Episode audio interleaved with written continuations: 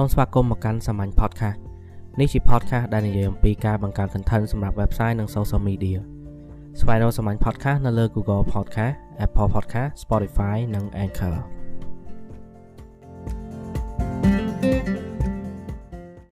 នៅក្នុងអេពីសូតនេះខ្ញុំនឹងលើកពីវិធីសាស្ត្រធ្វើឲ្យ content របស់យើងមាន credit ជាងមុន content ដែលមាន credit គឺសំដៅទៅលើ content ដែលគេអាចទុកចិត្តបាន គេចាត់ទុកវាជា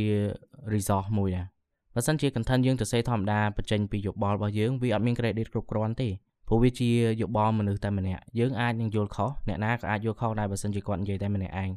ចឹង content របៀបហ្នឹងបើសិនជាយើងសរសេរក្នុងគោលបំណងឲ្យគេអានលេងវាអត់បញ្ហាទេបើប៉ុន្តែបើសិនជាយើងចង់បង្ហាញខ្លួនឯងថាជាអ្នកជំនាញនៅក្នុងផ្នែកណាមួយយើងត្រូវតែធ្វើយ៉ាងណាឲ្យ content របស់យើងមាន credit ចឹងវិធីសាស្ត្រដែលអាចធ្វើឲ្យ content របស់យើងមាន credit បាន គឺយើងជៀសវាងការសរសេរបែបទូទៅ ការសរសេរបែបទូទៅនេះវាគ្រាន់តែជាការលើកឡើងហើយវាជាយោបល់ផ្ទាល់ខ្លួនឥឡូវខ្ញុំឧទាហរណ៍ថាខ្ញុំនិយាយថាមនុស្សស្រីភាគច្រើនចូលចិត្តស្លៀកខ្លីអានោះជាការយកឃើញមកខ្ញុំហ្នឹងព្រោះខ្ញុំអត់មានអីមកជាអំណាមណាងផងប៉ុន្តែបើសិនជាខ្ញុំនិយាយថាតាមការស្ទង់មតិមនុស្សស្រី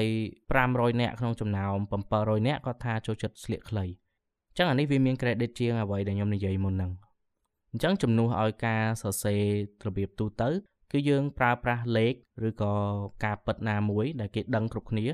ឬក៏វាតាក់ទងជាមួយនឹងការស្រាវជ្រាវអីហ្នឹងយើងយកវាចូលមកក្នុង content របស់យើង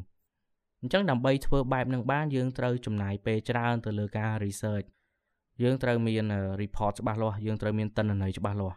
ហើយអាទិន្នន័យដែលយើងយកមកហ្នឹងត្រូវប្រកាសថាចេញពីប្រភពដែលយើងអាចជឿទុកចិត្តបាន វាមានដូចជារដ្ឋាភិបាលអង្គការអង្គការផ្សេងផ្សេងឬក៏ក្រុមហ៊ុន business ធំៗដែលគេបញ្ចេញ report របស់គេហ្នឹងអញ្ចឹងយើងយកអតិន័យពីគេនឹងមកដើម្បីមក support content របស់យើងឲ្យវាកាន់តែមាន credit ជាងមុនទៀត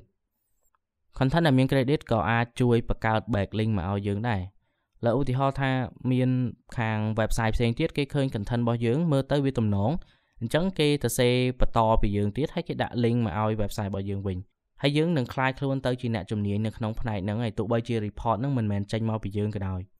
សំខាន់គឺពេលដែលយើងសរសេរ content ហ្នឹងយើងធ្វើឲ្យវាតាក់ទាញជាង report របស់គេការធ្វើ report គេមិនគិតពីរឿងតាក់ទាញតាក់ទាញទេធ្វើយ៉ាងណាគេអាចផ្ដល់ទិន្នន័យបានប៉ុន្តែក្នុងនាមយើងជាអ្នកបង្កើត content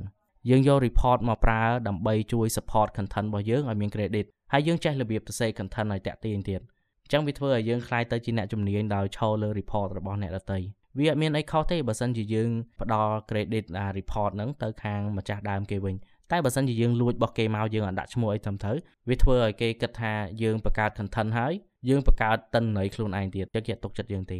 នៅក្នុង content marketing សំខាន់មែនតើការទុកចិត្តនេះ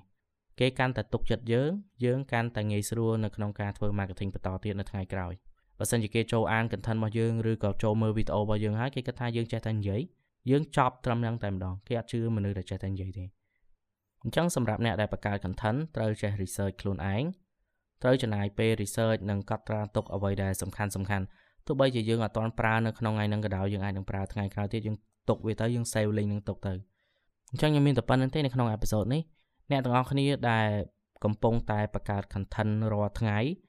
ឬធ្វើ content marketing នៅតាមក្រុមហ៊ុននៅតាមអីក៏ដោយគួរតែស្ដាប់អេពីសូតផ្សេងៗទៀតរបស់ខ្ញុំ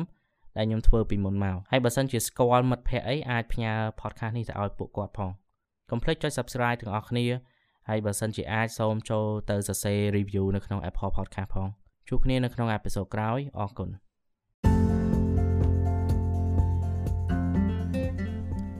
podcast នេះជាផ្នែកមួយនៃសាមញ្ញសេវាកម្មបង្កើត content សម្រាប់ website និង social media សាមញ្ញនឹងជួយផ្ដល់អត្ថប្រយោជន៍ដល់អតិថិជនរបស់លោកអ្នកដោយប្រើប្រាស់ content marketing ស្វែងយល់បន្ថែមពីសាមញ្ញនៅលើទំព័រ Facebook សាមញ្ញដែលសរសេរជាភាសាខ្មែរ